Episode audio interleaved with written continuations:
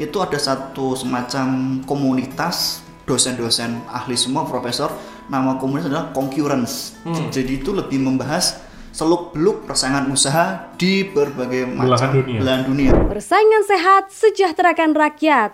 Roll 3 2 1. Welcome to Pod Country. Podcast KPPU Kanwil 3 Bandung. Yang paling menarik nih Om, Hmm. selama Om terjun di dunia jurnalistik, Ah. terutama untuk isu persaingan usaha Om ya, Hmm. ada nggak Om tulisan Om yang menjadi satu paling apa ya benchmark gitu? Oke, Tulis. ada ada Mat. itu waktu Ah, saya masih ingat eh, tahun 2018 Mhm.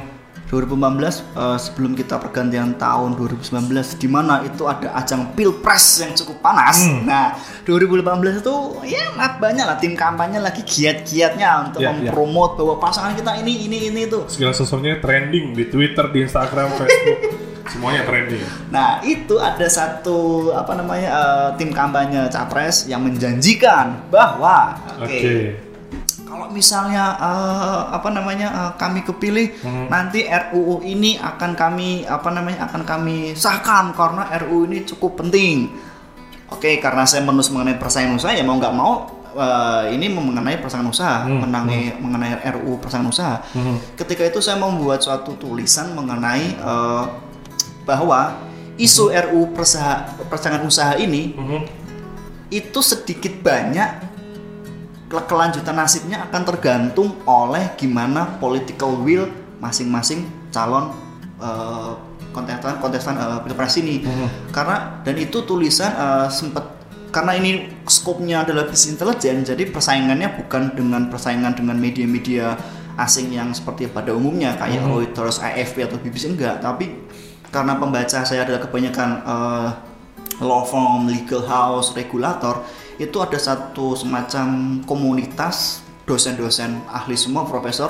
Nama komunitas adalah concurrence. Hmm. jadi itu lebih membahas seluk beluk persaingan usaha di berbagai Belahan macam dunia. belahan dunia. Dan Ah, itu profesornya tuh saya nggak tahu namanya bule-bule gitulah. Itu kan di, di Amerika. Jadi tulisan saya mengenai persaingan usaha di suatu negara itu sangat tergantung dengan political will-nya siapa penguasa di negeri itu. Dan Oh. itu jad- masuk ke nominasi untuk peng- pe- penghargaan eh, antitrust writing award. Wow, itu ada ternyata? Ada. Di eh, Amerika. Nam- namanya Oh, concurrence. Cuman concurrence. itu apa ya itu kan sama kantor wah ye akhirnya Asia terutama untuk Indonesia loh ya Oh Indonesia gitu. loh. Wow, selamat kalau gitu Om. nah ntar dulu om Dimas Oke, selamat dulu Oke, jangan selamat dulu ya. Seharus, seharusnya seharusnya Ini plot twist ya? Nah, ini plot twist.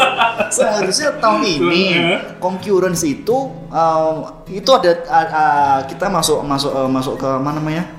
Uh, kok apa sih namanya istilah konten? Uh, kandidat gitu kandidat yang menang Ah, kan. ah, ah. Cuman coronavirus pandemi membubarkan segalanya. Dan saya sempat nanya editor kan ini kapan nih kita penghargaan ini uh, kita menang apa enggak sih? Hmm, kita mau tahu kan kita cuman masuk ke nominasi nih. Itu pun udah Leo Galuh Indonesia. Wah itu tuh udah itu itu Kebanggaan tersendiri pasti. tersendiri. Karena itu kan Hmm. uh, itu sama prestisnya dengan teman-teman di media mainstream mengenai hadiah Pulitzer Hmm. kalau ilmuwan itu Nobel gitu kan tapi Nobel, kalau ya, di ya, ya, kalau ya. di entitas itu adalah satu lembaga namanya concurrence yang memang ngasih award untuk development masing-masing jurisdiction di hal uh, antitrust cuman karena pandemi ya dia editor cuma bilang oke lah Le, we need to we need to do more work for to uh, for next year ya udah jadi ya akhirnya si bule-bule Amerika ini nggak nggak nggak nggak jadi mengumumkan Iya. itu kalau menang ya lumayan lah minimal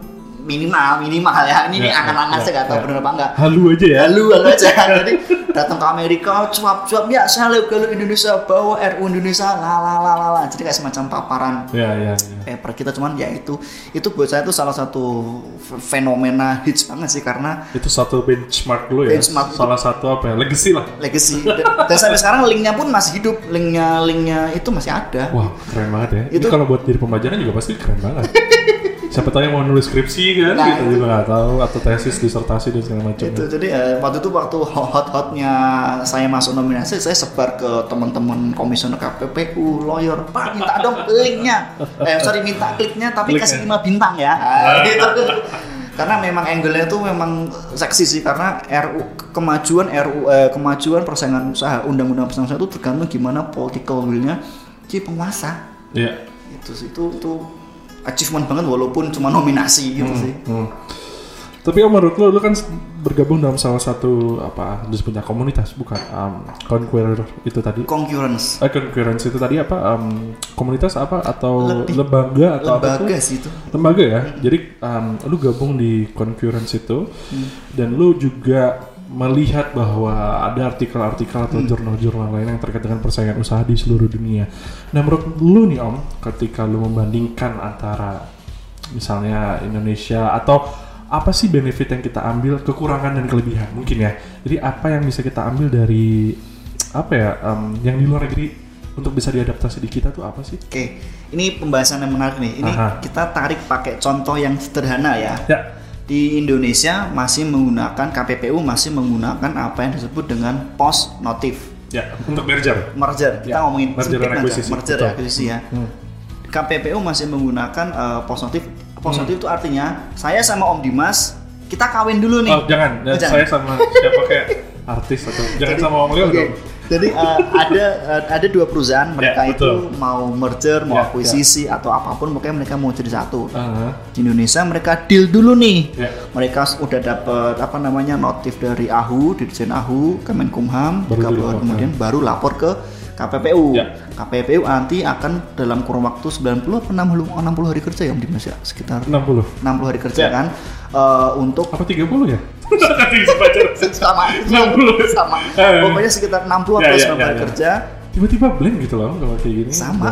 Oke, terus itu Eh, KPPU akan melakukan merger review Hmm, di mana KPPU akan menilai apakah perkawinan dua perusahaan ini dapat menimbulkan eh, potensi persaingan tidak sehat. Mhm. Kita pakai contoh sepele banget deh biar lebih mudah teman-teman memahami. Di. Indonesia teman-teman tahu kan ada dua perusahaan ojol.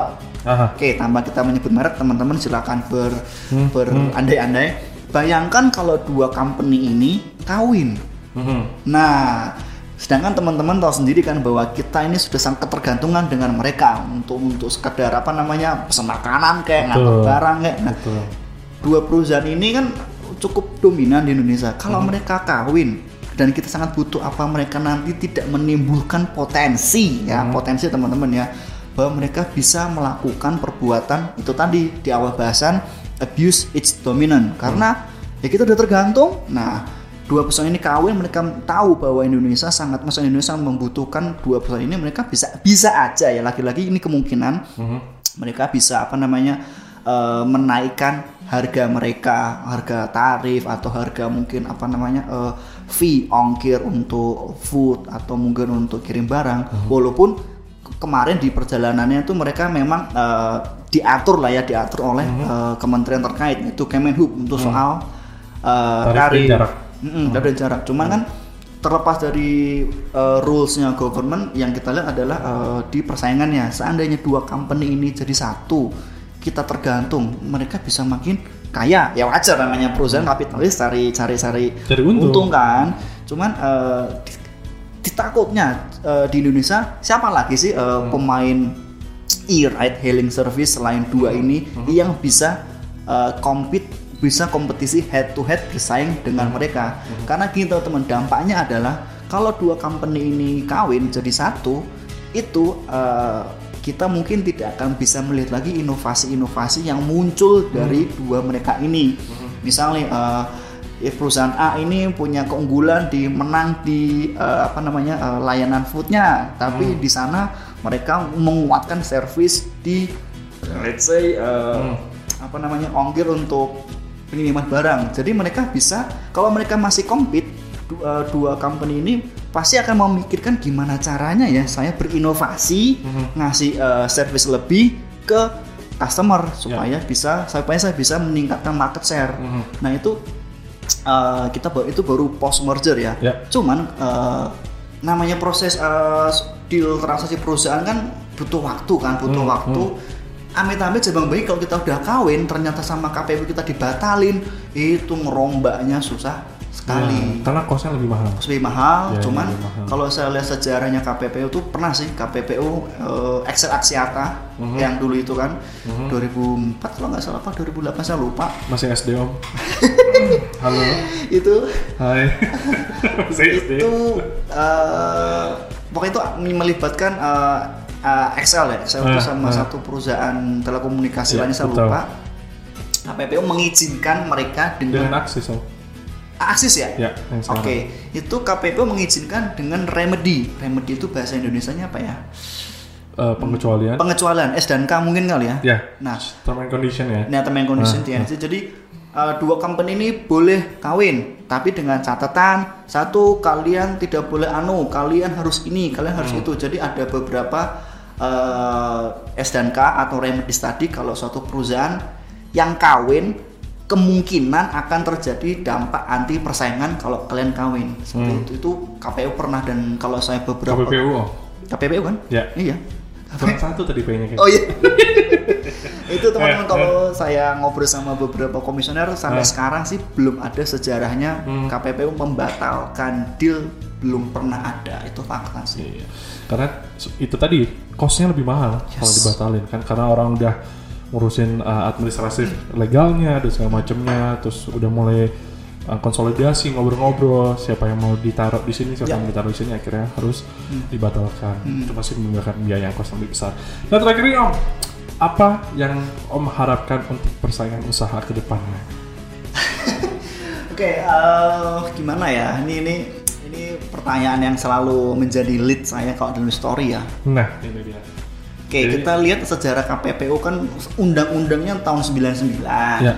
Nah, beberapa negara-negara tetangga yang deket-deket dulu aja deh, Southeast Asia itu udah mulai pada amandemen amandemen. Hmm. Undang-undang mereka udah mulai ada amandemen dan mereka selalu berusaha up to date dengan perkembangan bisnis eh, pelaku usaha. Jadi ya dan dan apa namanya eh, semangatnya adalah itu tadi gimana caranya meningkatkan ekonomi yang efisien Ya. ya dan inovatif karena itu kan itu kan berdampak pada kemajuan eh, negara itu. Nah, Hmm.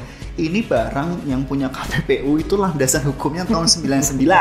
Sekarang 2020. Ya. Nah, maksud saya adalah apakah masih cukup suitable atau kompatibel nggak sih barang produk tahun 99 di mana di era itu belum ada namanya e-ride hailing. Hmm. Itu itu contoh sepele sih. Eh, ini kalau saya dulu mungkin namanya ojek pengkolan wah Iya. itu. Kalau mau ngubungin biasanya tinggal teriak tetangga.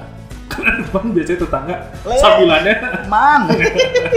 jadi Itu. ojek pengkolan juga. Ah, ah. Nah, kalau sekarang pakai aplikasi. aplikasi. Nah itu kan eh, perilakunya mungkin termaktum ya di dalam Undang-Undang 5 tahun 99 ini. Tapi apa ya definisi pelaku bisnisnya nih? Ini kan pelaku bisnis yang Ya, apps ini ya. Dia nggak punya dia nggak punya eh, inventory kendaraan. betul. Karyawannya juga cuman mitra. Ya, Tapi dia punya app. Nah ini kan gimana?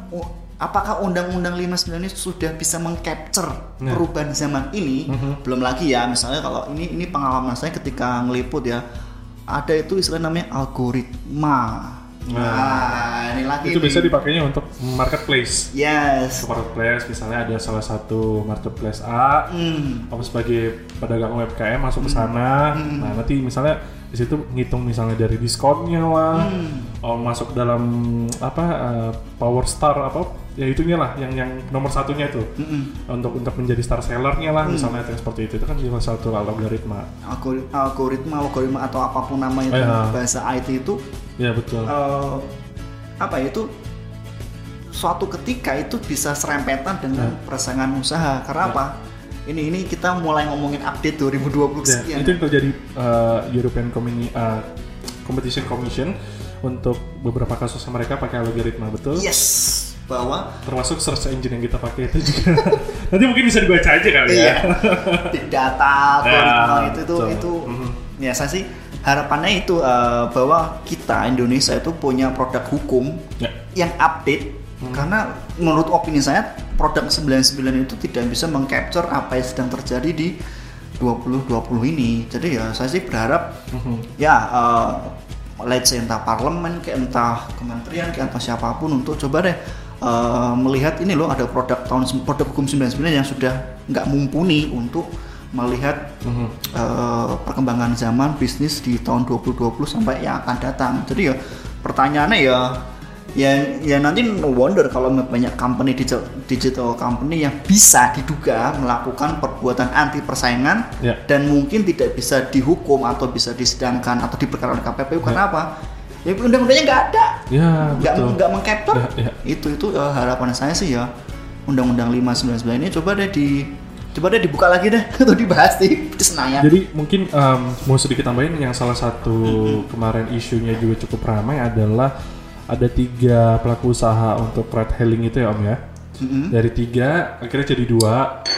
Nah yang satunya itu ternyata tidak eh, kita tidak bisa mengawasi KPPU-nya karena aset dari aset. Nah, di situ dihitung di asetnya yang dimasukkannya. Karena dalam merger dan akuisisi yang ada di Indonesia itu tidak memperhitungkan aset. Ternyata perusahaan retailing itu hanya berupa aset tok ternyata dan murah ternyata. Maksudnya untuk skala perusahaan besar untuk beberapa transaksinya mereka punya mitra segitu banyak iklan di mana-mana ternyata cuma segitu gitu. asetnya dikit tuh. Asetnya cuma sedikit gitu. Valuasinya tuh yang gede tuh. Nah, itu valuasi adalah pemutaran dari uangnya itu sendiri. Nah, jadi thank you banget Om Leo sudah main di apa Pod Country ya, uh, podcast Kanwil 3. Ini dari episode perda- uh, perdana tapi lumayan banget ilmunya banyak banget. Seru om seru. Sangat seru banget ya, terutama untuk persaingan usaha dan juga untuk para pelaku usaha yang mereka memang interest banget untuk di bidang ini bagaimana mereka melakukan kaidah-kaidah melakukan bisnis tapi tidak melanggar. Yep. Betul kan Om? Compliance. Oke Om, thank you banget udah hadir di sini. Nanti Om kapan-kapan kita ngobrol lagi di Boleh, podcast yang satunya lagi. Boleh. Ada juga podcast yang lainnya. Oh, kalau punya sosial media, sosial medianya apa Om? Boleh di Kalau mention? saya sih lebih main ke LinkedIn. Oh, main di LinkedIn. LinkedIn Leo Galuh. Ah, eh, regulator regulatory reporter at PAR. Oke. P, P, P A R R Policy and Regulatory Report itu backgroundnya saya pakai jaket hijau tulisan Arab ada background apa Masjid Baitur Rahman jadi itu cukup eh, cukup eye catching kemudian di Ah, Instagram ah. at galuh underscore Leo Oke. Kalau gue di Twitter biasa gue anak Twitter. Ah, anak Twitter lain ya? Twitter lain karena selalu nggak nyambung antara Twitter dengan Instagram. iya kan. sih di @pngstdms. Kalau gitu untuk uh, teman-teman semua terima kasih yang udah mendengarkan, terima kasih sudah join di sini. Kalau misalnya ada kalian mau masukkan kritik dan saran atau punya jalan ninja tersendiri Boleh. untuk di kolom komen di kolom komen ada. Tapi kalau misalnya uh, pengen apa yang namanya kirim-kirim kue juga. Untuk kita terima kasih Om Leo. Ya. Kalau gitu Dimas Pangestu dan Om Leo pamit di sini. Terima kasih. Assalamualaikum warahmatullahi wabarakatuh.